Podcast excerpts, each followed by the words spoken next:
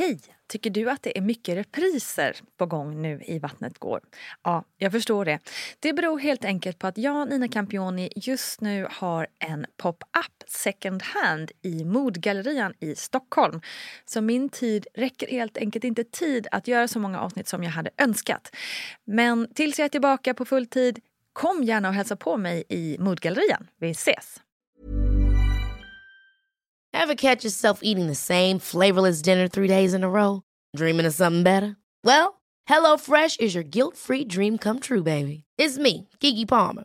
Let's wake up those taste buds with hot, juicy pecan-crusted chicken or garlic butter shrimp scampi. Mm. Hello Fresh.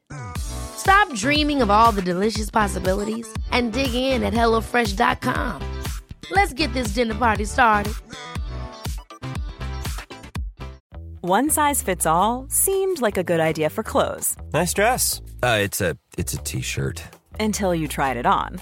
Same goes for your healthcare. That's why United Healthcare offers a variety of flexible, budget-friendly coverage for medical, vision, dental, and more. So whether you're between jobs, coming off a parent's plan, or even missed open enrollment, you can find the plan that fits you best. Find out more about United Healthcare coverage at uh1.com. That's uh1.com.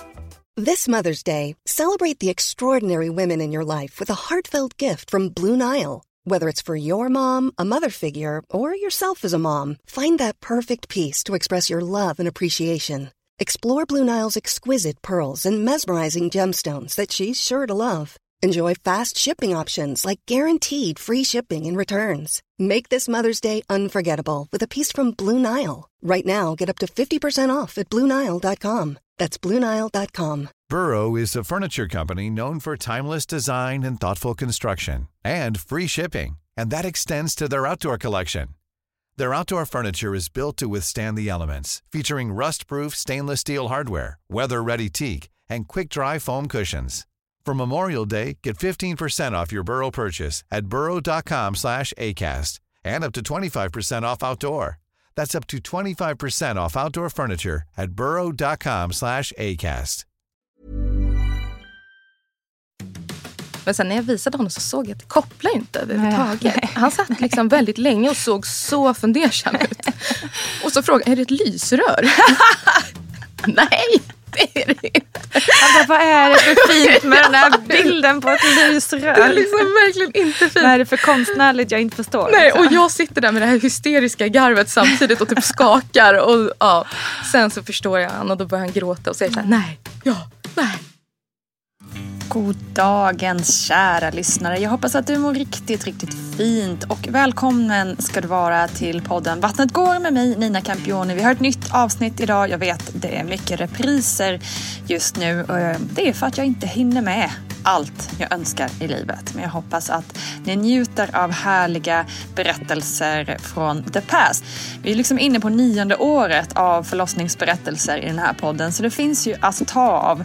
Eh, jag vet att ni är flera som har skrivit och lyssnat på varenda avsnitt och det är fan i mig imponerande att man har gått igenom alla avsnitt. Det är otroligt. För dig som inte har hört alla så kanske det kan vara härligt med en repris då och då så att man inte missar de härligaste och mest intressanta berättelserna.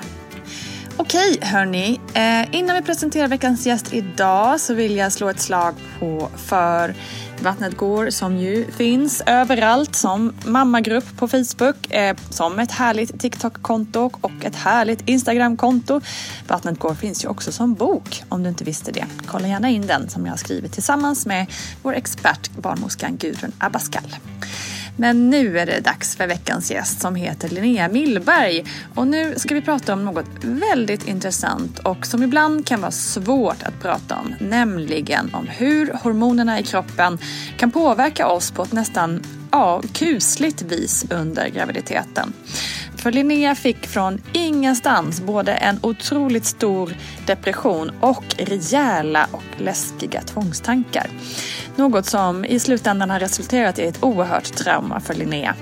Linnea berättar också om sin förlossning där hon drabbades av ett vårdmisstag som hade kunnat gå riktigt, riktigt illa. Nu ska vi få höra hennes historia. Varmt välkomna allihopa.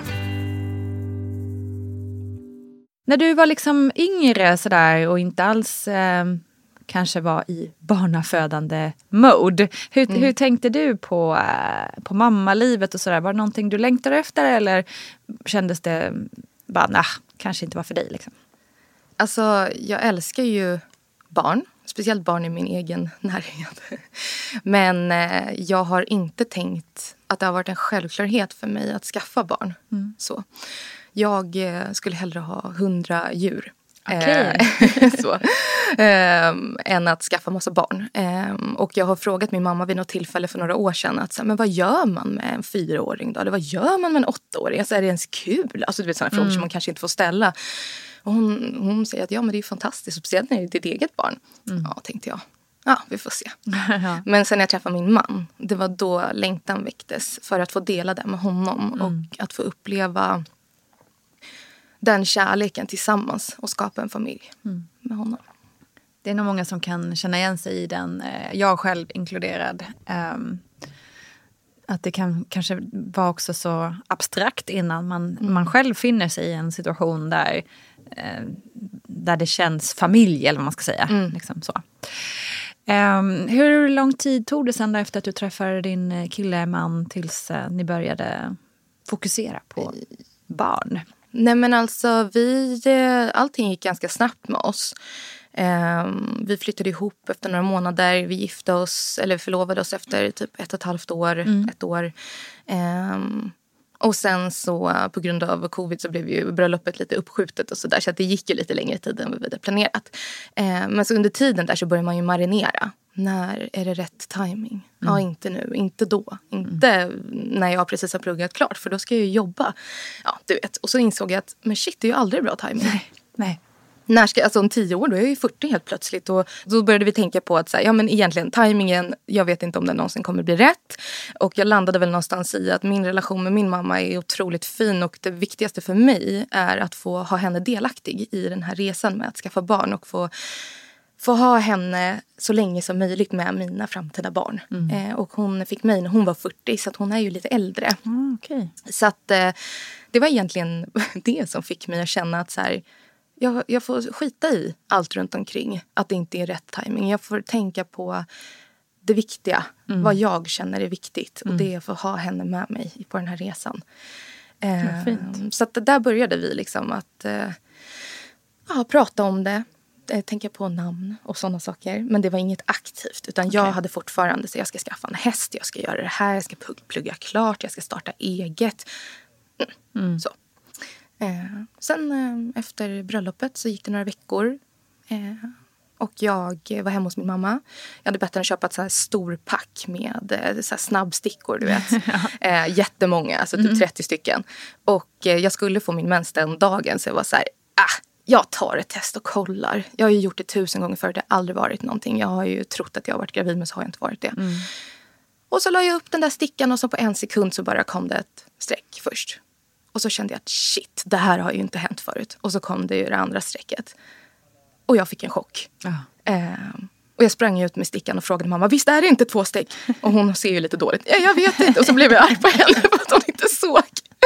Eh, och sen så började jag gråta och fick verkligen, det var inte den här filmiska glädjeruset. Jag fick eh, stresspåslag. Ja. Shit, tänkte jag.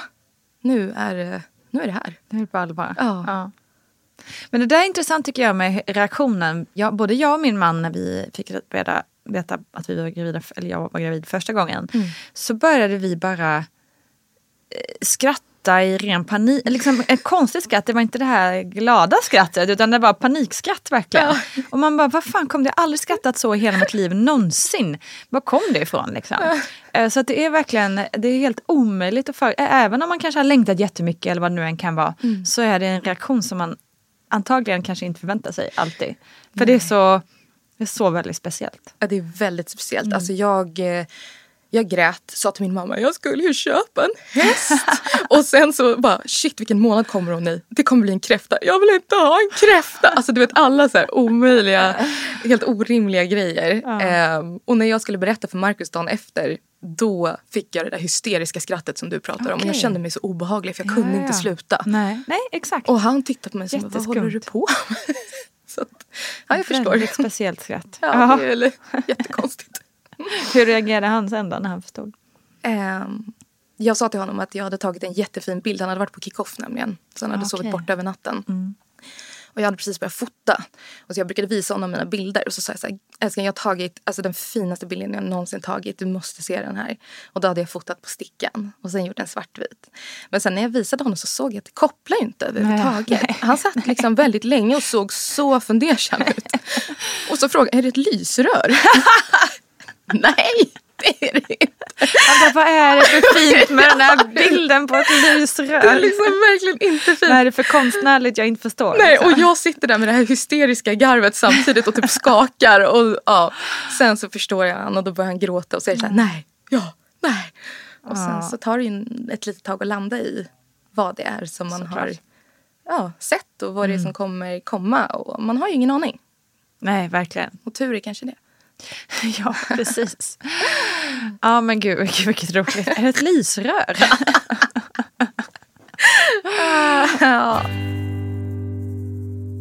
Vi ska prata lite om din graviditet, eh, såklart. Eh, hur, kände, hur mådde du inledningsvis? Liksom?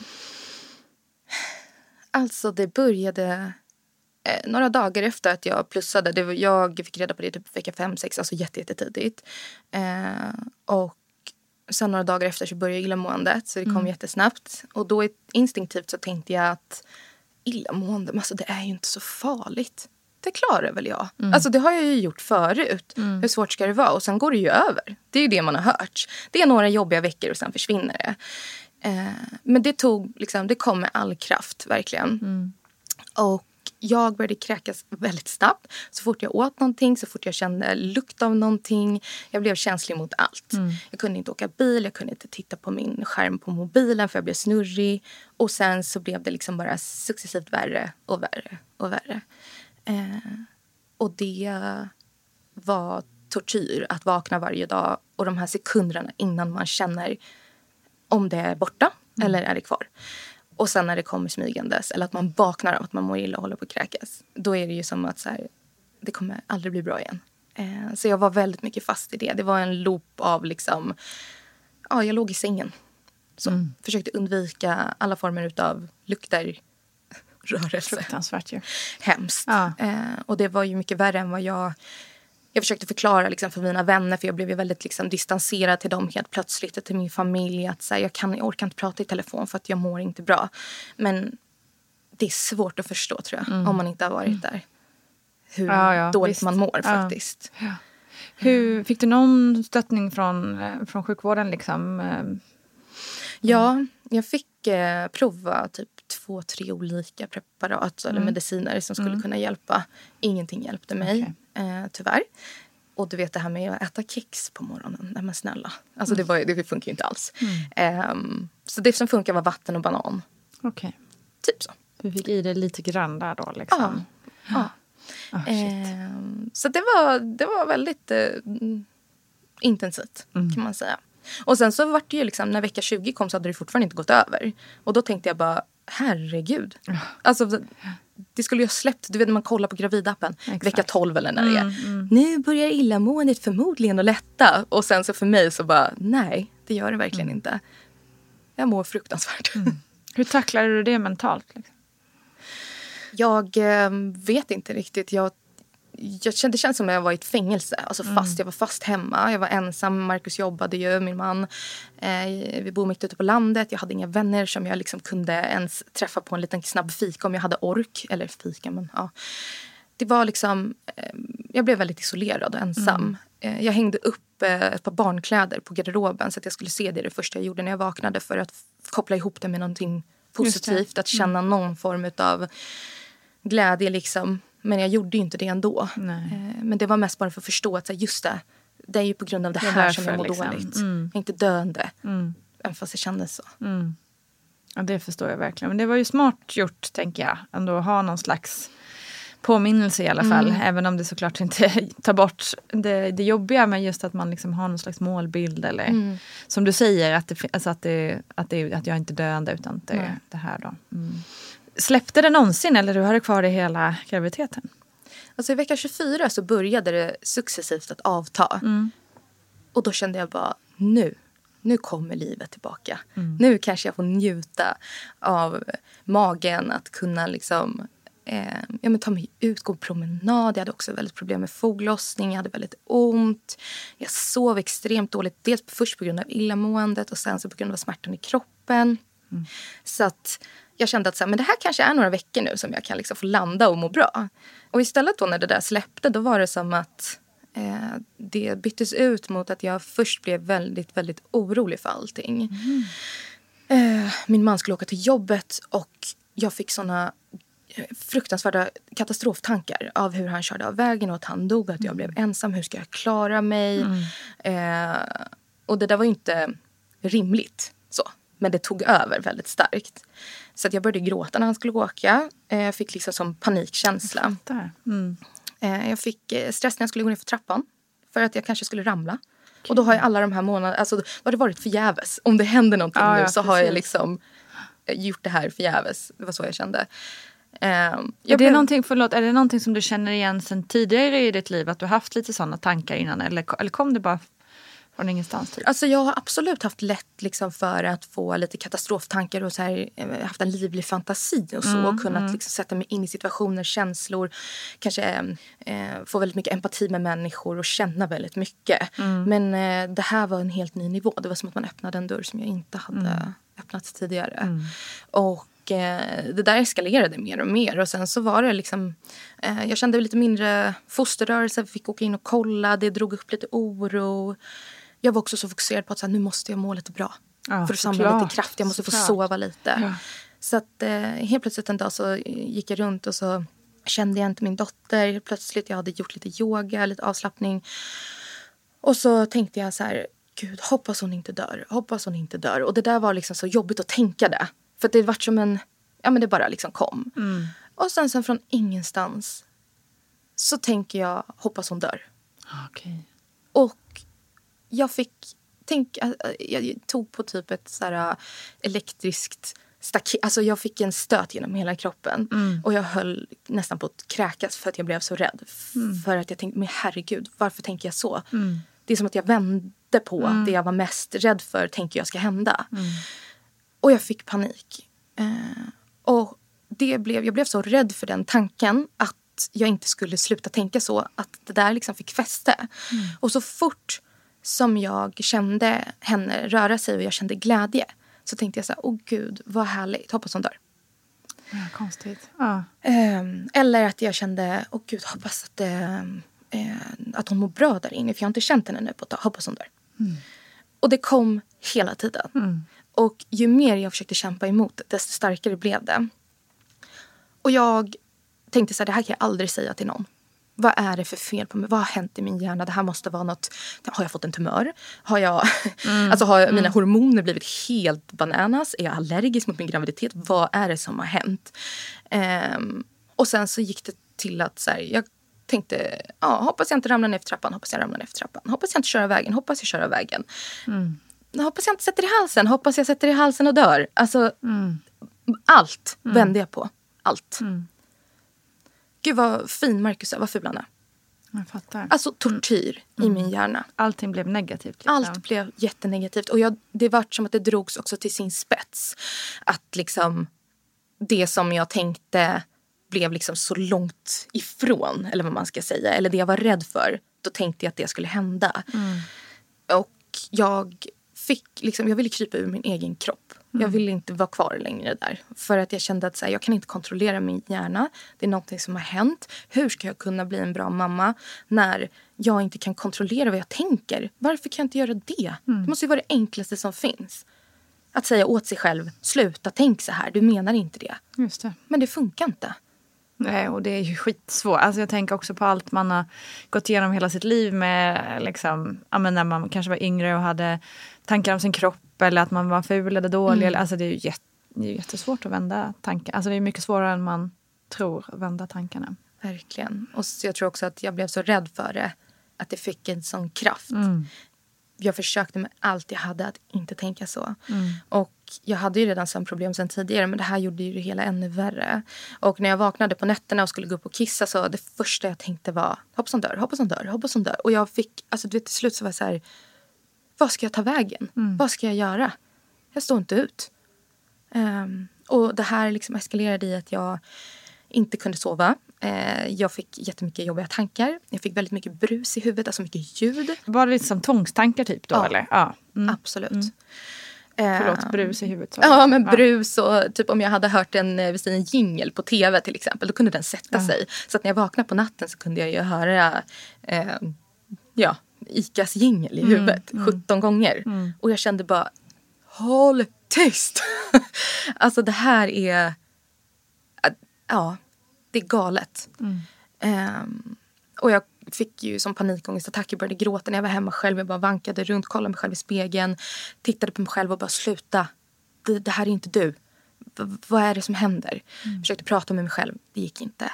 Jag kunde inte fortsätta med min yoga och meditation. För så fort jag satte mig ner för att känna in kroppen så började jag tänka så mycket jobbiga tankar. Så att det var som att jag var tvungen att liksom lyssna på någonting. Jag lyssnade på din podd jämt. Alltså, så, bland annat. Eh, eller gå ut och gå. Eller eh, städa. Eller sysselsätta mig med någonting. För att slippa höra mina egna tankar. Men det funkar ju tyvärr inte. Nej. Det är ju där ändå. Och du, vågar, du sa att du, du ville inte prata med någon om det här eftersom det kändes eh, som att du var en, liksom en dålig mamma redan. så att säga. Men, och, och det gällde även att du nämnde ingenting till din barnmorska eller så heller. Inte i början. Eh, men jag vet min man tittade ut på mig och märkte att det var någonting som inte, alltså mer än det som var innan då. Som hade hänt. Och då så sa jag till honom att jag tror att det, jag tror att det har hänt någonting riktigt, alltså det är något fel på mig. Det är, eh, något har hänt i min hjärna, det är inte bra. Eh, och jag vet inte hur jag ska säga det här men jag vänder allting som jag är rädd för till att jag vill att det ska hända. Och jag har ingen kontroll på mina tankar. Och så berättade jag för honom var helt ärlig. Och hans reaktion var så fin. Han tittade på mig och så gav mig en kram och jag var jätteledsen. Och så sa han bara att men älskling, tänk att det är som ett ja, men, som illamående. Det är en symptom. Det är liksom inte du. Det kommer gå över. Ja, klokt. Eh, jättefint. Och det var ju det jag behövde höra. Det är inget fel på dig. Du vill ju inte det där du tänker. Och du sover dåligt. Det är bara press liksom. Eh, sen sa han det, vi ska berätta för barnmorskan. Nej, Bra. det vill jag inte, sa jag då. Eh, men han var jo, det gör vi. Så vid nästa besök, så om inte du säger någonting så kommer jag ta upp det. Jag hoppas att du tycker att det är okej. bra Marcus. Ja, heja honom. ja, jätte, det där är ju så jävla viktigt. Ja. Eh, alltså, nu kanske inte jättemånga män som lyssnar eller partners som lyssnar men det, där, det är ju där, exakt det där en partner ska göra. Ja. Eh, om inte du berättar det så gör jag det för att det här är viktigt. Vi behöver hjälp med det här. Mm. Eh, så viktigt. Ja, det var Bra guld värt. Alltså jag är så tacksam för honom och för, tack vare honom också som jag är där jag är idag. För att det är han som har fångat upp mig och pushat mig till att våga sätta Mm. ord på det här och ta hjälp. Eh, så när vi var hos barnmorskan så berättade jag det här och hon gav också en jättefin eh, respons och sa det att det här är jättevanligt, vi vet inte vad det beror på. Eh, ofta så kommer det efter förlossningen. Just det. Eh, det är inte lika vanligt att det kommer liksom under graviditeten men du har ju mått väldigt dåligt så det kan vara på grund av det. Eh, jag ska boka in dig omgående hos en tid för en läkare som kan slussa dig vidare så att du ska få den hjälpen du behöver. För nu är det inte så långt kvar så nu ska vi liksom fånga upp det här eh, så att du får en bra förlossning och mår bra helt enkelt. Hur kändes det då att prata om det där? Eh, skitjobbigt men så bra. Jag började ju gråta och det var mycket som släppte efter det. Så att efter det samtalet så lättade de här tankarna av jättemycket. Jag hade typ två veckor där jag mådde mycket, mycket bättre. Sen fick jag ju då ett, eh, tid hos den här läkaren och det var ju där igen som det blev lite dåligt för att hennes bemötande var inte alls på det sättet. Utan hon var, hon satt och lyssnade på mig och var så här, mhm, mm, jaha, det låter ju konstigt men eh, vill du att ditt barn ska dö då? Oj. Så. Och där fick jag direkt ett sånt här stresspåslag. Ja. Så, nej, nej, nej, nej. Det, det är att jag tänker det jag inte vill ska hända. Det är att jag inte kan kontrollera mina tankar. Ja, men du tänker inte att du ska, du har inte planerat hur du ska göra det då eller eh, skada dig själv eller alltså helt oempatisk och väldigt saklig sådär med nej, det är inte därför jag kommer hit. Och jag vill gärna komma och prata med någon för att snart är det dags liksom för, att, eh, för förlossning och sånt att det närmar sig. Ja, nej, det finns ingen möjlighet för det. Det är helt fullt. Eh, så att du får höra av dig eller din man får höra av sig om det skulle bli värre. Eh, och om du får tankar på att skada dig själv eller ditt barn. Och sen var det inget mer med det. Och efter, så gick jag därifrån hade sån klump i magen. Och så ringde jag till min man efter det samtalet och bara det där var inte bra. Jag skulle inte gått dit.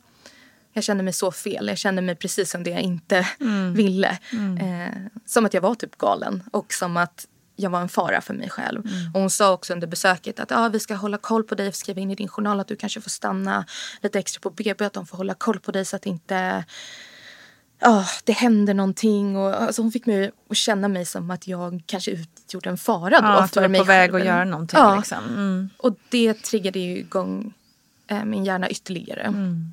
Så det var väldigt, väldigt eh, tråkigt. Så. Alltså, oh. mm. det, det är psykologivården, eh, ja, det är det är tråkigt. Ja. jag har liksom inga bra ord. Vården överlag, det behövs satsning överlag men, men, eh, men där mm. har vi ju tappat så jäkla mycket alltså. Mm. Eller det finns inte tillräckligt. Nej. Helt enkelt. Nej, och veta hur man ska bemöta och som, mm. som min barnmorska gjorde som var så fantastisk som, som la en hand på mig och sa men ja, men kära du, vet du det här är helt normalt. Det är mm. inget fel på dig, det händer jättemånga. Det här löser vi. Mm det behöver man ju få höra. Exakt. Man behöver inte få den här, jaha, har du tänkt på hur du ska göra då? då? Eller det här hårda, kalla mm, eh, ifrågasättandet. Um, så det, det tyckte jag var jättejobbigt. Life is full of what ifs. Some awesome. Like what if AI could fold your laundry? And some, well, less awesome. Like what if you have unexpected medical costs? United Healthcare can help get you covered with Health Protector Guard fixed indemnity insurance plans. They supplement your primary plan to help you manage out of pocket costs. No deductibles, no enrollment periods, and especially no more what ifs. Visit uh1.com to find the Health Protector Guard plan for you. This Mother's Day, celebrate the extraordinary women in your life with a heartfelt gift from Blue Nile. Whether it's for your mom, a mother figure, or yourself as a mom, find that perfect piece to express your love and appreciation. Explore Blue Nile's exquisite pearls and mesmerizing gemstones that she's sure to love. Enjoy fast shipping options like guaranteed free shipping and returns. Make this Mother's Day unforgettable with a piece from Blue Nile. Right now, get up to 50% off at BlueNile.com. That's BlueNile.com. Hold up. What was that? Boring. No flavor. That was as bad as those leftovers you ate all week. Kiki Palmer here, and it's time to say hello to something fresh and guilt-free. Hello Fresh. Jazz up dinner with pecan-crusted chicken or garlic butter shrimp scampi. Now that's music to my mouth. Hello Fresh. Let's get this dinner party started. Discover all the delicious possibilities at hellofresh.com.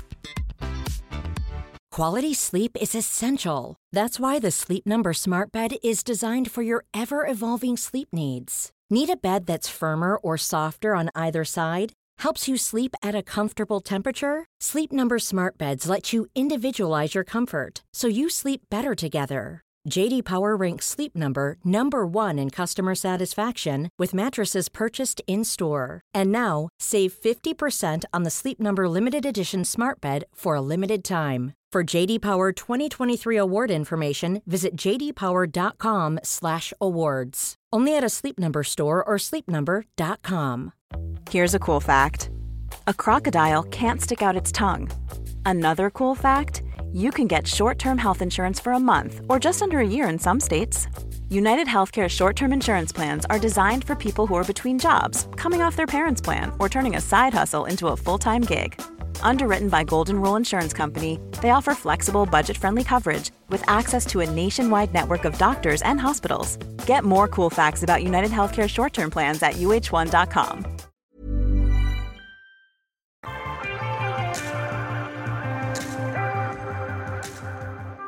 Ja, och sen så bara spann det där vidare. Hade jättesvårt att sova. Eh, kunde inte sova på dagarna, kunde inte koppla av. Och sen i vecka 35 så kände jag att så här, hmm, det känns annorlunda. Det är någonting i kroppen som inte känns som vanligt. Och då på vårt besök innan så hade det visat sig att vår dotter eh, hon låg ju helt fel då så att säga. Mm. Eh, så att hon satt ju typ upp. Okay. Eh, och hon hade legat i samma position jättelänge. Så att min barnmorska blev lite stressad och tänkte så här. Ah, hon har ju legat så här så länge nu. Så hon borde ju börja vända på sig. Mm. Ehm, men vi håller hoppet uppe. Men eh, så blev det inte. ja, jag var ute och gick på stan. Kände att jag gick två steg, fick jättemycket sammandragningar. Tänkte att ja, så här ska det nog inte vara. Ehm, ringde upp till förlossningen och de sa att så här, men kom upp så, så kikar vi. Ehm, och så åkte vi dit och så kollade vi. Så sa de att ja, men du kanske har urinvägsinfektion. Mm. Så att du får um, antibiotika mot det som du får börja äta. Får jag fråga, är det i Nyköping då? Som ja, du, ja. Mm. precis. Och så började jag äta det fast jag kände att ah, jag vill inte äta det för att jag kanske har det. Men okej, då får Just jag väl göra det då. Ja. Och det var på måndagen och sen så på torsdagen så bara nej det är någonting i kroppen som är annorlunda. Jag känner mig jättetung neråt. Jag har väldigt mycket eh, sammandragningar och en annan form av sammandragning. Jag tror att det kanske kan vara någon förverkar. Men mm. så är man ju så här, fast nej det är det nog inte. det jag bara inbillar mig. Ja. Eh, men så åkte vi in igen och så skulle vi bara kolla i bilen på väg in så satt vi och dansade till Shakira och jag bara så här, äh, det här det är lugnt liksom. Det här det är säkert bara att vi, jag håller på att förbereda mig. Hon kanske håller på att vänder sig eller sådär. Och eh, vi kollar, de eh, sätter på sig CTG på magen och jag ser ju på den här eh, monitorn eller vad man säger att så här, ja men shit det är ju ganska, det går ju väldigt mycket upp och ner här. Mm. Mm. Sen helt plötsligt så blir det liksom, det kommer in en läkare, det kommer in eh, två stycken barnmorskor, det kommer in någon eh, sjuksköterska, det kommer in eh, någon annan person. De ska undersöka mig och det blir väldigt stressad stämning i rummet. Ehm, jag hade tre verkar per tionde minut och eh, jag hade börjat öppna mig, mm. visade det sig sen. Och min dotter låg i helt fel position. Yeah. så att där blev det så här, nu får ni börja ställa in på att det här kommer gå mycket snabbare än vad ni har tänkt. Det kommer gå på ett helt annat sätt än vad ni har tänkt. Det finns ingen chans för dig att du ska få försöka att föda i säte vaginalt. Okay. Eh, det är slutdiskuterat. Mm, varför det då? Eller? Nej, för att det finns inte den kompetensen Aha, där. Att, okay. eh, och de, mm. Han eh, sa att hon är, alldeles, alltså hon är alldeles för liten och det är inte dags än och vi har ingen neoavdelning. Ah, okay. Så. Mm, mm. Eh, så nu blir det ambulans till Eskilstuna. Aha. Och ni får ställa er in på att det kommer bli ett akut kejsarsnitt antingen när ni kommer fram eller i natt. Wow. Och det var ju som en chock. Ja, det förstår jag. Så fan, vi satt ju och sjöng till Shakira nyss och nu ska vi åka ambulans till Eskilstuna. Vad hände där liksom? Mm. Så uh, jag åkte dit, Marcus åkte hem, packade BB-väskan och kom och mötte mig sen. Och när jag kommer fram till Eskilstuna så känner jag direkt att så här... Ja, nej, jag vet inte riktigt om de är på samma nivå här. Mm. Okay. Eh, de var väldigt så här, ja, uh, gud vad de är hysteriska i Nyköping skickar hit dig. och då kände jag så här, men herregud, okej, okay, ja, nej. Så att jag låg där och hamnade lite i kläm kan man säga. Och sen var det tre dagar där vi var där av att vi fick typ åtta olika bud från olika mm. personer. Mm, det blir kejsarsnitt i natt. Nej, det blir kejsarsnitt imorgon. Nej, det blir ingen kejsarsnitt. Nej, du ska äta. Nej, du ska fasta. Du får inte vara uppe och gå. Varför är du inte uppe och går? Oh, ja, okay. Det var kalabalik. Mm. Eh, och alla sa emot varandra. De kunde inte enas om hur man skulle gå vidare. Eh, hon är klar. Nej, hon är inte klar. Hon ska vara kvar så länge som möjligt. Jag hade jättemycket starka verkar. Eh, det är dumt att låta mig liksom inte få sova och gå igenom det här i onödan för att hon klarar att komma ut nu. Medan någon annan tyckte något annat. Mm. Så där satt vi emellan och tittade som en så pingpongboll. Liksom som eh, hoppade fram och tillbaka, fram och tillbaka, fram och tillbaka. Vad kände du själv? Vad ville du själv? Visste alltså, du det? Där och då så kände jag... Om jag inte får bestämma själv med min kropp att jag vill försöka föda henne vaginalt, mm. som jag ville. Om jag, alltså, vilket också kändes så himla märkligt. Att jag satt liksom i en position när det handlade om mig och min kropp där jag inte hade någon bestämmande rätt. Mm. Ingenting att säga till om. Eh, då kände jag bara att ja men okej.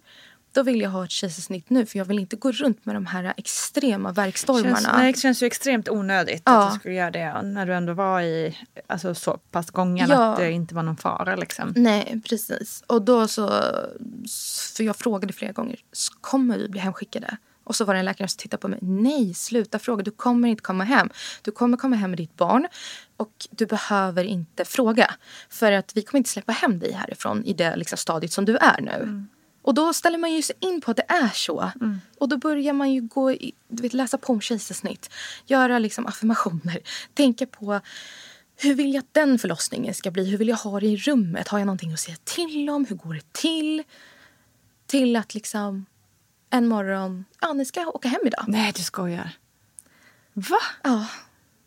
Och då så sa jag, både jag och Marcus, här, men herregud nu måste vi få till ett möte. För vi, alltså, jag får inte ens vara uppe och gå på avdelningen för att jag inte ska trigga igång alltså, mer Nej. verkar.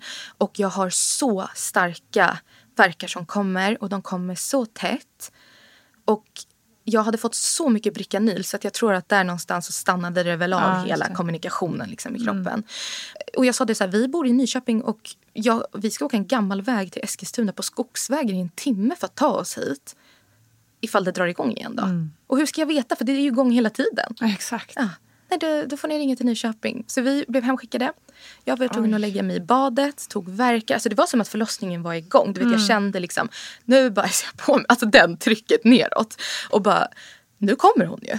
Nu är det på gång. Och det bara ilade. Det, alltså jag fick nerv, liksom, ilningar ner i tån. Du vet, jag kände så här, nu jäklar.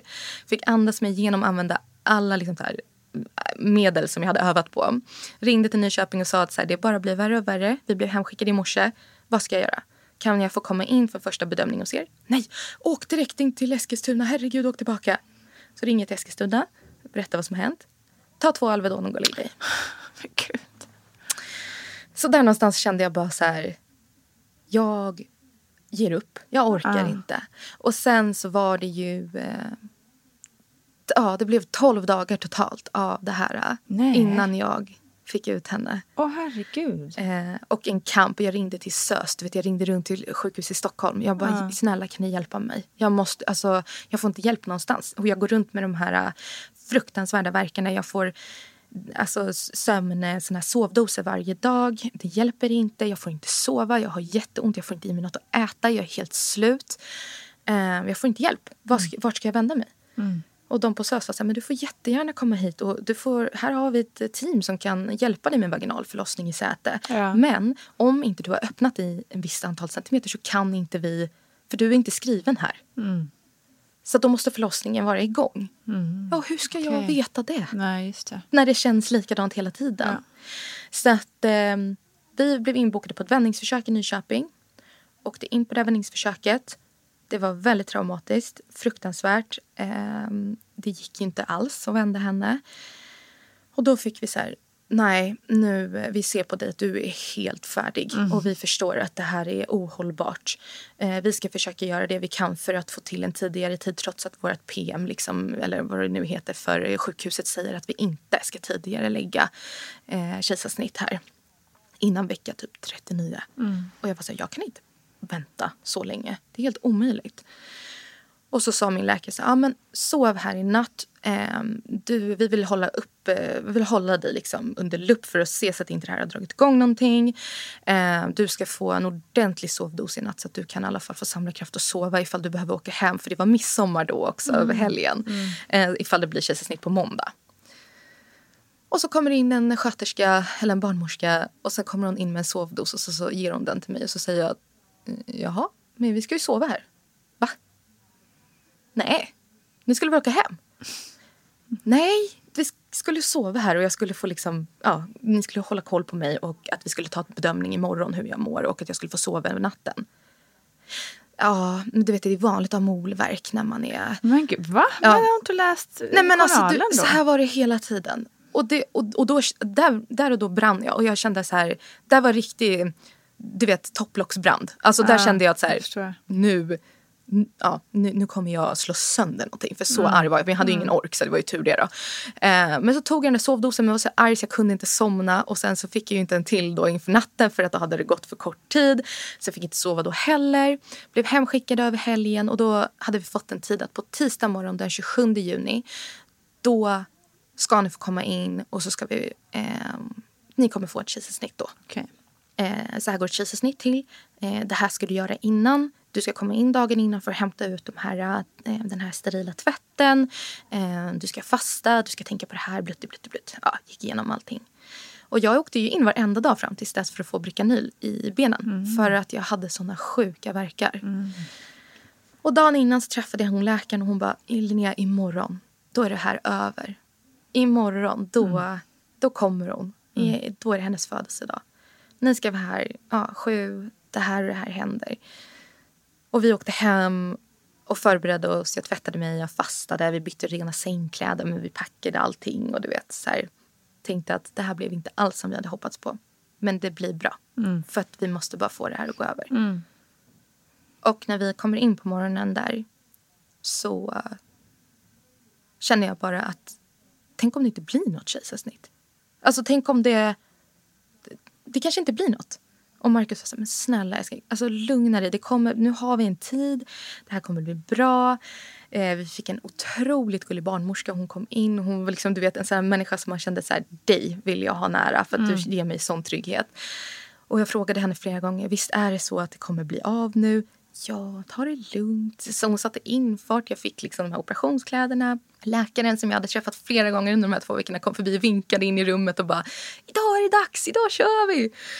Och sen så uh, vart klockan typ 7.30, 8, 8.30 och så kom hon in och bara Ja, men snart. Alltså, jag vet inte vad det är som dröjer sån tid. Men, men jag kommer alldeles strax. Jag väntar bara på återkoppling. Så blir klockan typ 9, 9.30, 10, 10.30.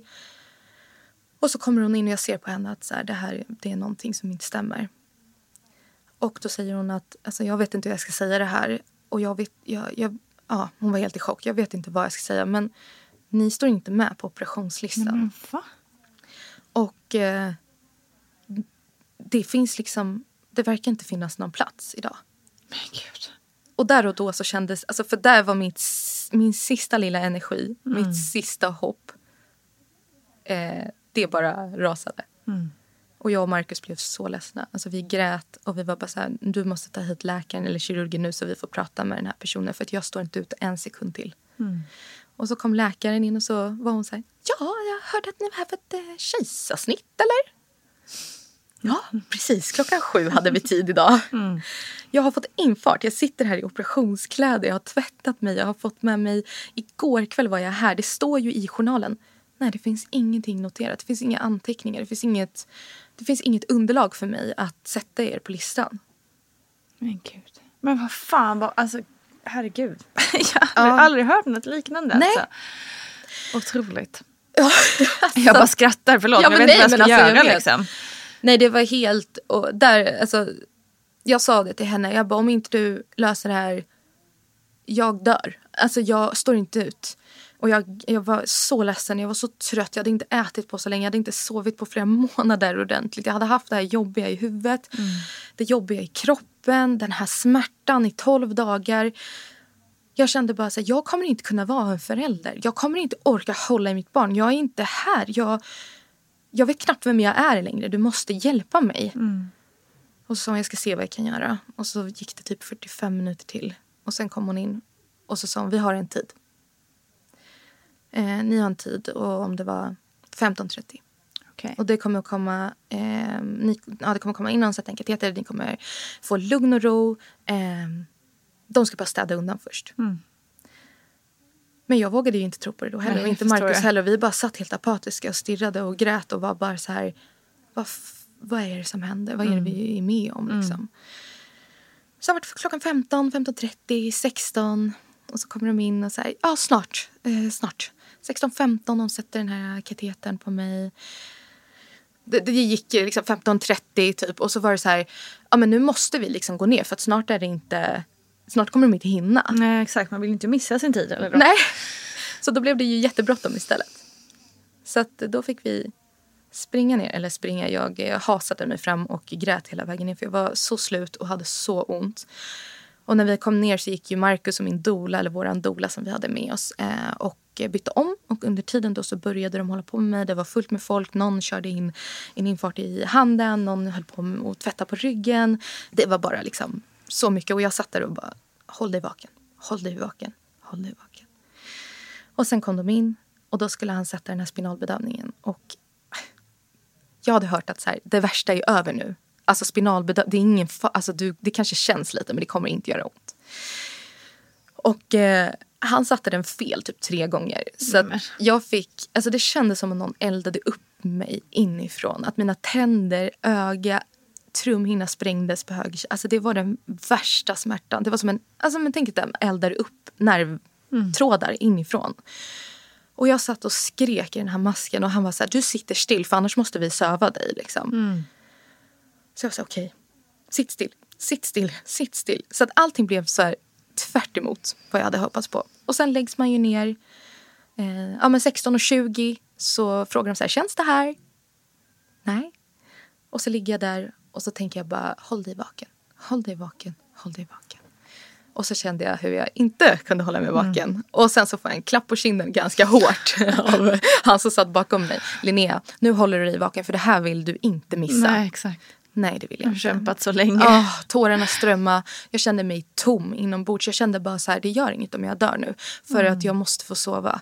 Och det var så sjukt att känna så. Men jag var så slut. Mm. Både mentalt, själsligt, kroppsligt, alltså fysiskt. Eh, och sen ja, 16 och 27 så hör jag ju hur hon skriker, vår mm. dotter. Det är den konstigaste känslan jag någonsin känt. Det går inte att beskriva ju, om man inte har varit med om det. Och det känns väl olika för alla. Uh, min första känsla var bara, är hon okej? Okay? Mår hon bra? Inte inte kärlek, inte mm. lättnad, ingenting sånt. Och sen la de henne på mitt bröst och de la henne jättenära mig och det hade jag önskat också. Men hon var så täckt av fosterfett att hon såg ut som en liten hustomte typ. Helt vit. Och jag kände bara shit. Vem, vem är det här som ja. ligger en millimeter från mitt ansikte och skriker på mig som knappt kan öppna sina ögon och är helt geekig och kall och luktar konstigt. Och det var så fantastiskt men så märkligt på samma gång. Och eh, de sydde ihop mig och la mig på en, eh, en säng som de skulle skjutsa ut mig. Och då när jag hade min dotter på mig och jag fick hålla i henne då, då stämde min dola upp i, i sång som jag hade Oj. skrivit i mitt förlossningsbrev att jag ville. Så att i operationsrummet så började alla sjunga Jag må hon leva. Nej. Och då kände jag att så här, jag kunde andas ut på riktigt. Så jag låg där och tittade på henne och de sjöng för henne det var så fint. Gud vad fint. Ja, Börjar gråta. Ja, Gud vad fint. Jag har aldrig hört det. Vilken bra idé. Ja, det var så fint. Och det var sån läkande stund. Och jag tittade upp alla och de stod i sina masker och såg så himla sterila ut. Men de sjöng och de tittade på oss och det var så här. Jag bara tänkte att det värsta är över nu. Mm. Alltså klarar jag det här då klarar jag allt. Mm.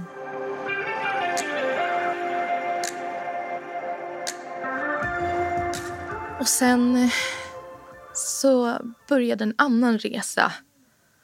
Och det här mentala som jag tänkte att så här, det, det släpper ju så fort hon är ute så kommer det släppa. Det släppte mm. ju inte. Det gjorde inte det? Nej. Och eh, hon gick ner mycket i vikt. Vi var tvungna att tillmata henne med kopp varannan timme dygnet runt. Jag pumpade och ammade däremellan. Jag sov ingenting. Jag var orolig hela tiden. Mm. Jag trodde att hon skulle dö hela tiden. Jag tänkte att hur har jag kunnat tänka så här hemska saker mot min vilja? Mot den här lilla människan. Liksom. Tänk om det jag har tänkt... Eh, tänk om jag skulle liksom... Att det är mitt fel om det händer någonting nu. Mm. För att jag har liksom varit dum nog att inte kunna kontrollera mig själv och mina tankar. Um, så att jag kände att jag behöver hålla koll på henne varenda sekund. Mm. Jag kan inte... Jag, jag får inte tillåta mig själv att släppa henne ur sikte. Att somna. Nu är det min tur här att mm. ta revansch och se till att hon klarar sig på bästa sätt. Mm. Bara det att det var det sista jag behövde. Ja, gud, verkligen. Okay. Ja, precis. Ehm, och min kropp liksom kom aldrig ner i varv. Jag var så speedad inombords hela tiden fast jag var så trött. Mm. Jag kände att så här, jag, alltså jag kan inte hålla ögonen öppna men så fort jag la mig ner för att sova så var det en torktumlare av ljud, tankar, skräckscenarier i huvudet av hur det händer henne något, hur det börjar brinna, hur ska jag ta mig ut? You name it. Mm. Um, och sen började jag plugga på det här för att jag tänkte att det ska jag ju klara av. Börja plugga heltid mitt i allting för att det kanske jag kan kontrollera. Då kan jag i alla fall ha någonting som jag kan liksom ja, men ja, jag har en mm. kontrollgrej. Liksom. Ja, och kanske skingra tankarna också lite liksom, på något annat då. Ja. Det blir nog bra. Mm. jag ska bevisa också att jag är duktig och att jag klarar det här. Liksom. Eh, det blev inte bra alls. Eh, det blev press liksom på mig själv ifrån att jag ska vara en bra mamma. Och jag ska förresten vara en bra fru också. Jag ska plocka hemma. Jag ska klara alla kurser. Ehm, vi läste men, affärsjuridik, sådana tunga kurser som man behöver vara med. Jag var mm. jättetrött. Jag läste samma sak 17 gånger. Jag fick inte in det i huvudet. Till slut så blev det att jag kunde inte sova liksom ens på dagarna för att jag var så stressad. För att just den här skoluppgiften, har jag mejlat den här personen? Har jag myllret i huvudet? Mm. Och eh, till slut så bara tog det stopp. Pang bom. Jag tittade på henne. Jag kunde inte titta på henne och känna glädje utan att tänka eh, hoppas hon dör. Hoppas hon dör. Eh, vad ful hon är. Fast att jag tänkte hon är det finaste jag har sett. Jag känner så otrolig kärlek för henne. De här starka känslorna, både rädsla och kärlek, de triggade de här hemska känslorna. Mm. Så det var som att de gick som hand i hand. så. Och jag kände att jag får inte ens, jag får inte ens njuta av situationen. Jag får inte ens njuta av min dotter nu när jag har kämpat mig igenom det här när hon är här hos mig. Jag får inte njuta av att titta på henne och känna den här kärleken och bara få känna den. För då ska jag känna något hemskt och mm. sen slå ner på mig själv efteråt. Mm. Det låter fruktansvärt. Det var tortyr, alltså psykisk tortyr av mig själv. Det var som att jag mobbade mig själv ungefär. Mm. Och eh, till slut gjorde ju att jag så här, jag bara stod och höll min dotter och grät. Jag, sa, jag kan inte lyfta mina armar. Jag orkar inte. Jag orkar typ inte andas. Jag tror inte att jag. Jag tror att jag har fått en propp kanske. Jag tror att det. Jag har nog en tumör i hjärnan. Alltså du vet när det mm. börjar liksom. Och jag stod där och bara vaggade henne och grät. Och grät. Och så kom Markus in och han pratade med mig. Och så hörde jag inte. Och så tittade jag upp. Och så tittade han på mig och bara. Du vet du, nu har du kämpat så länge. Du är så jäkla stark. Jag älskar dig. Du är fantastisk. Men vet du, nu ska vi söka hjälp. Mm. Nu behöver vi någonting mer. Mm. Jag hade gått på KBT under den här tiden. Det hjälpte ingenting. Jag var inte där liksom. Um, vi ringer, jag vet inte vart man vänder sig. Vi ringer BVC. Nej, du får inte ringa BVC. Då kanske jag inte får vara... De kanske tar vårt barn. Mm. Nej, de kommer inte ta vårt barn. Vi måste ringa nu. Mm. Han ringer, inget svar ringer 1177. Jag sitter så här i soffan med händerna över öronen för att jag inte vill höra när han pratar med dem. För att jag tänker att han kommer beskriva en galen människa och det är inte jag. Mm. Han kommer beskriva, hej min fru mår inte bra. Hon kan inte sova, hon har hemska tankar, hon kan inte äta, hon kan inte komma ner i varv. Eh, det är något fel på henne. Mm. Och det är inte jag. Eh, och sen så hör jag 1177 vill prata med mig. Jag pratar med dem. Hon är jättegullig.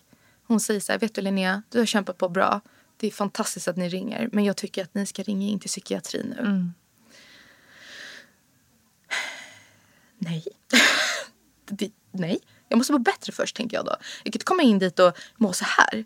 Alltså du vet helt or mm. orimligt. Men jo, Marcus ringer. Vi får en tid. Vi kör in svänger in vid skylten där det står psykiatrisk akutmottagning och jag tänker bara är det här mitt liv liksom? Mm, just det. Är, är, det, är det så här det skulle vara? När jag liksom i hela mitt liv har drömt om att få träffa någon som jag älskar, som är min bästa vän, som jag har en sund kärleksrelation med. Ett tryggt liv, ett bra, fint hem och vi får ett friskt barn tillsammans. Så kan jag inte unna mig själv det och det är hit jag kommer. Mm. Hur? Varför? Alltså vad gör jag här? Mm. Eh, det var tufft. Det var jättejobbigt. Och när vi stod där utanför så ville jag vända så många gånger. Och när de öppnar så är det två äldre män som öppnar. Och jag säger till Marcus, nej inte två gubbar. Tänker jag direkt. de kommer aldrig fatta. Mm. Och det första de gör är så här, eh, nej men hej, vad fint att ni är här. Mm. Världens gulligaste bemötande. Vi har vår dotter med oss i vagnen och jag tittar på henne och jag tänker bara, jag gör det här för våran skull. Men jag vill inte att du ska behöva vara här med mig för vi ska inte vara här egentligen. Mm.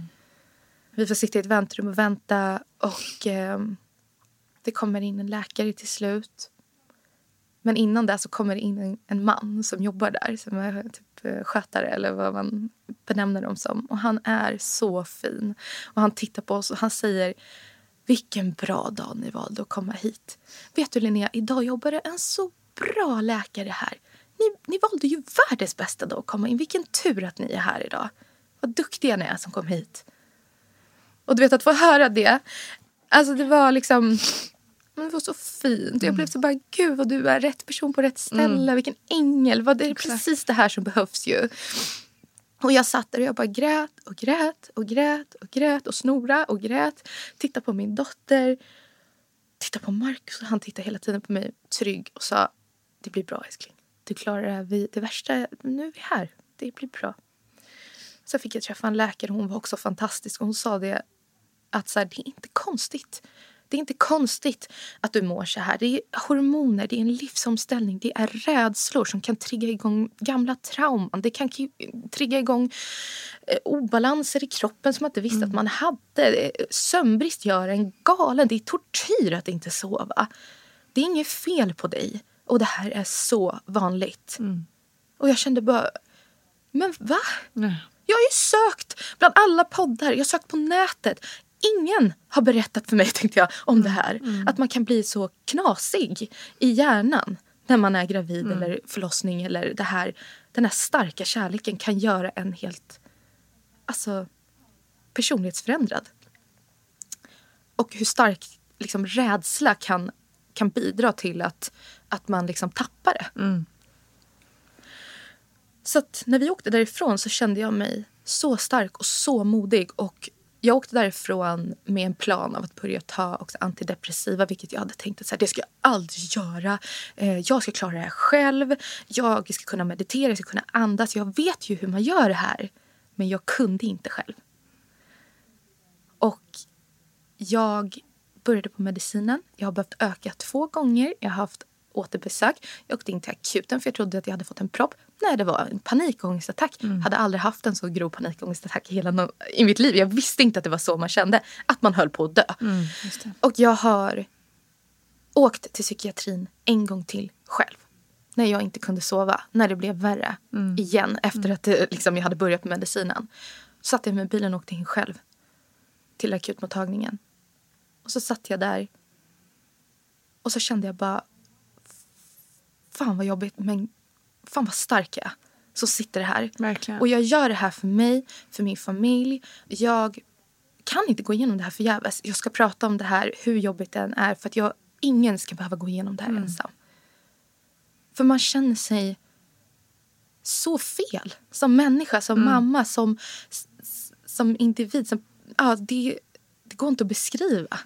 Nej men just det där som du sa att liksom, det här är inte jag. Som, mm. alltså, du beskrev det så väldigt bra när ni körde dit första gången. Mm. Eh, jag tror att det, den, den där känslan är nog väldigt, väldigt liksom. För det är klart att man inte ser sig själv eh, alltså innan det har hänt. Nej. Att bli en person som antingen blir deprimerad mm. eller får tvångstankar eller mm. får en graviddepression. Alltså alla de där grejerna, det är ju ingenting man ser liksom, framför sig när man går runt och lever sitt vanliga liv. alltså sådär att det ska, bli, att det ska sluta så här. Nej, eh, eller börja så här. Jag kan verkligen ändå relatera till den, den känslan. Liksom. Bara, men mm. det här var inte, det var inte så det skulle bli. Nej. Och det här är inte, så här brukar inte jag vara. Nej. Liksom. Och varför kan jag inte kontrollera mig själv? Mm. Varför fungerar inte jag som jag brukar göra? Mm det blir ju en skräck till slut. För alltså man blir ju rädd för sig själv, för sina tankar. Jag får inte tänka så, jag får inte tänka så, jag får inte tänka så. Man tänker så. Mm. En väldigt o... En väldigt dålig skricka liksom. Mm. Som bara fortsätter. Mm.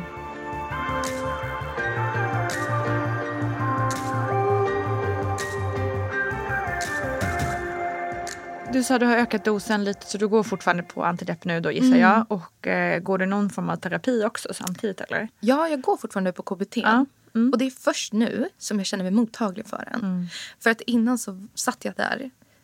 Och som jag har gjort till, till alla. Till min familj, till mina vänner. När någon frågar hur är det? Ja, det är väldigt jobbigt men det är bättre nu. Mm. Det, det, är helt okej. Okay. Mm. När mina lärare frågar orkar du det här i skolan? Ja, då, det är tufft men det går bra. Jag ska klara det här. Mm. Jag är en stark person jag ska inte visa mig svag. Jag är faktiskt en glad människa jag, som är ambitiös och som klarar saker. Och det ska jag fortsätta att vara. Och jag ska göra allt i min makt för att upprätthålla den bilden av mig själv. Mm. Eh, och det har jag gjort. Men det har inte varit till min fördel. Nej, exakt. Och, och till slut går det inte längre? Det går inte längre. Mm. Till slut så blir det också så här, jag har inte orkat träffa någon till slut. För att jag, all kraft har gått åt att så här, se normal ut, verka normal, eh, skratta där. Fast att allt i mitt huvud är kaos. Mm. Hur gammal är din dotter idag? Hon är fem och en halv månad. Hon blir sex månader nu, 27 december. Och hur mår du liksom här och nu idag? Eh, mycket bättre. Men det är ju en pågående process. Mm.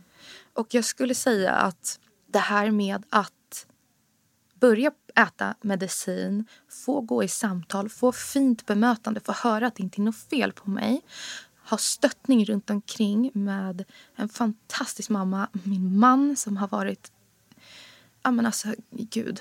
Jag hade inte klarat mig utan honom. Um, det har gjort så mycket för mig. Mm. Jag, vissa av mina vänner som har hört av sig och bara skickat så här, jag tänker på dig, jag älskar dig, du behöver inte svara.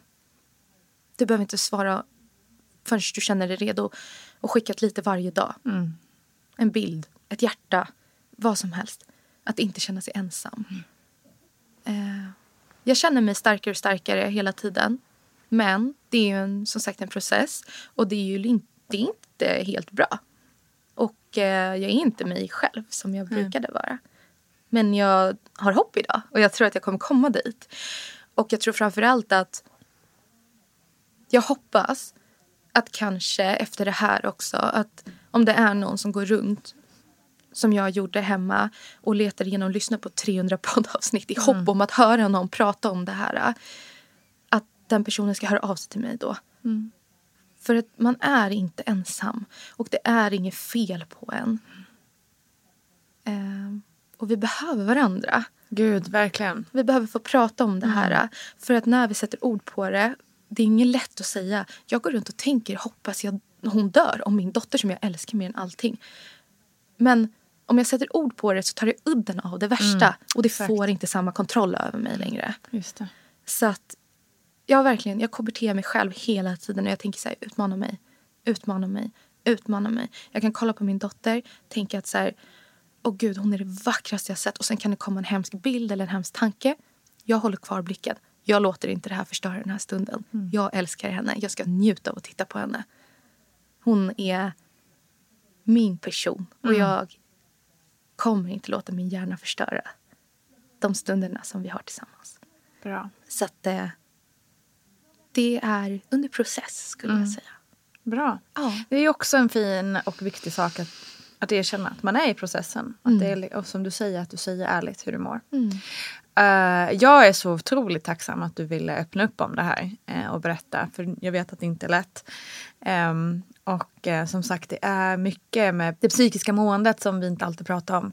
Ehm, och som har varit, ja, har fått vara, gömmas bort alldeles för länge. Vi har ju blivit bättre på liksom, att prata om framförallt kanske gravid, graviddepression och så. Ja. Eh, men det finns ju så många olika nyanser i det här. Precis. Så jag är jättetacksam att du ville vara med och prata om det. Men tack snälla för att jag fick komma hit. Ehm, finns det något annat? Jag tänker du sa att man kan höra av sig till dig om man vill prata om det. Finns det, finns det någon annan liksom så här, har du, har du hittat någon typ, jag vet inte om det finns någon Facebookgrupp eller om det finns någonting där du har hittat att du har hittat någon, någon community kring det? Eller finns det någonting sånt som man kan Alltså- tipsa om? Ja, jag tror att det heter Mamma till mamma. Mm. Eh, en hemsida Mm. där de skriver jättemycket om sånt här. Och olika typer av då, men folk som kanske hamnat i förlossningspsykos eller förlossningsdepression eller varit med om olika trauman kopplat till graviditet och förlossning. Så. Eh, och där finns det också nummer som jag tror att man kan ringa. Och dit, jag var inne och kollade säkert 30 gånger. Jag, men jag, hade inte, jag kunde inte. Eh, och jag kände också att jag såg ju inte... Jag försökte googla tvångstankar eller jag vände på tankar och jag hittade inte det någonstans. Så jag tänkte att ingen kommer förstå mig. Jag är ensam i hela världen om det här. Det är bara jag som går runt och är galen. Liksom. Men så är det ju inte. Ehm, så att de, den sidan vet jag och där finns det ju, där, där visar de i alla fall olika nyanser av det här. Och sen så finns det ju, ehm, ja det finns någon podcast också. Det kanske du kan veta Mm, det om. kan jag, jag kan se om jag kan hitta något. Eh, jag vet att de tar upp och pratar mycket om sånt här. Eh, Men då är det också mycket kanske så depression och jag har inte hittat något som har, liksom, eh, varit just i linje med det jag har upplevt. Nej, precis. Jag Eh, förstår. Men det är säkert, det finns ju som sagt hur många olika nyanser av det här som helst. Eh, så att det finns ändå sådana sidor. Men jag, har, jag tycker inte att jag har hittat något jättebra. Nej. Liksom. Och jag har läst mycket så här, vad är en förlossningsdepression? Ja, men det är ungefär så här och så här. Okej. Okay. Um, men som jag har fått till mig så kommer det oftast efter förlossningen. Just det. Ter sig på mm. vissa sätt. Mm. Jag känner inte igen mig i alla de kriterierna. Nej. Och när jag pratade med, med eh, dem på psykiatrin så sa läkaren till mig att så här, Linnea, du har förmodligen haft en förlossningsdepression under en väldigt lång tid. Mm. Under graviditeten. Så liksom en gravid graviditetsdepression som övergår en förlossningsdepression ja, och sen så tvångstankar på det. Typ. Ja, mm. och vad är hönan och vad är ägget? Nej, så här, det vet man ju inte Nej. riktigt och det spelar kanske ingen roll heller. Men det är inte ovanligt att få de här typen av eh, tvångstankar eh, eller katastroftankar som sen kan vända eller sådär mm. kopplat till då, dålig sömn och eh, depression med hormoner och sådär. Men man undrar ju, det är, inte, det, alltså det är omöjligt att inte undra vad som hade hänt om du hade fått rätt hjälp där i början när du, när du för första gången pratade med läkare. Oh. Eh, och jag funderar också på alla de här svängningarna. Har du pratat med barnmorska eller läkare om alla de här vändningarna i, under din förlossning som pågick liksom mm. i tolv dagar? Eh, har ni pratat någonting om det? Liksom, om den så att det begicks några fel eller misstag? Alltså, det känns ju som att du var med om otroligt mycket knasigheter. Ja, eh, jo, men det har jag faktiskt gjort. Och eh, vi blev eh, på BB innan vi skulle åka hem så pratade vi med vår fantastiska barnmorska som vi hade haft då första dagen som var tvungen att gå hem innan det här eh, innan kejsarsnitt blev av. Då sa hon att gör en anmälan. Jag skulle precis säga ja. det. Jag tänkte att det... Det får inte gå till Nej. så här. Så här ska det inte vara. Nej. Jag skäms. Jag står inte bakom det här. Um, det, det, får inte gå till så här Nej. bara. Uh, så nu känner jag mig faktiskt det är någonting som jag ser fram emot att ta tag i. Mm. För att skriva ner och spesa ner allting. Så att det förhoppningsvis kanske minskar risken för att det ska hända någon annan. Mm. Att man inte hamnar mellan stolarna mm. på det sättet. Ja, verkligen. För dels har jag ju gjort det, hamnat mm. mellan stolarna. Och dels att, få, alltså att själv få en upprättelse i det. Att det var mm. inte det var inte du som var en krånglig patient eller det var inte du som, Nej. du vet, det var massa konstiga saker. Och bara det att göra en anmälan um, är ju jätteviktig. Dels ja. för som du säger att liksom eh, sätta ljus på det som har hänt men också för dig själv för att mm. kunna gå vidare. Liksom. Mm. Ja, för det är ju lätt att känna annars. Jag vill inte åka in fast att man har jätteont för att jag vill inte vara till besvär. Precis. Mm. Snälla någon, det är ju mm. deras arbete måste man också komma yeah. ihåg. Det är självklart att man får åka in om man mm. behöver. Eh, men det är någonting med, jag tror också så här, vi kvinnor som ska vara så himla duktiga. Vi ska mm. klara oss själva, vi ska inte vara till besvär. Mm. Eh, vi ska inte liksom ja, be om för mycket. Nej, nej, nej, inte ska väl jag. Fast Exakt. jo, vi mm. ska. Mm. Och vi ska ta plats och vi ska säga till när någonting inte känns bra. Och vi mm. har rätten till det. Ja. Vi förtjänar att bli bemötta med respekt och bli lyssnade på. Mm. Verkligen. Mm. Men du, stort tack för att du ville ja, att du orkade komma hit och öppna upp om det här. Jätteviktigt. Eh, intressant att höra din berättelse verkligen. Tack. Tusen tack. Tusen, tusen tack Linnea Millberg. Alltså tack för att du orkar öppna upp om det här svåra och mörka. Du är verkligen ett föredöme. Linnea vill också uppmana alla som känner igen sig i hennes berättelse att ta kontakt med henne. Linnea finns där för dig om du vill prata och få stöttning. Det är ju verkligen systerskap i sin allra renaste form. Tack Linnea för det. Du hittar henne på Instagram. Tack kära du lyssnare som har varit med oss idag. Det betyder så väldigt, väldigt mycket. Vi hörs snart igen. Kram på er. Vi ses på Insta och Facebook och allt sånt härligt. Puss och kram. Hej!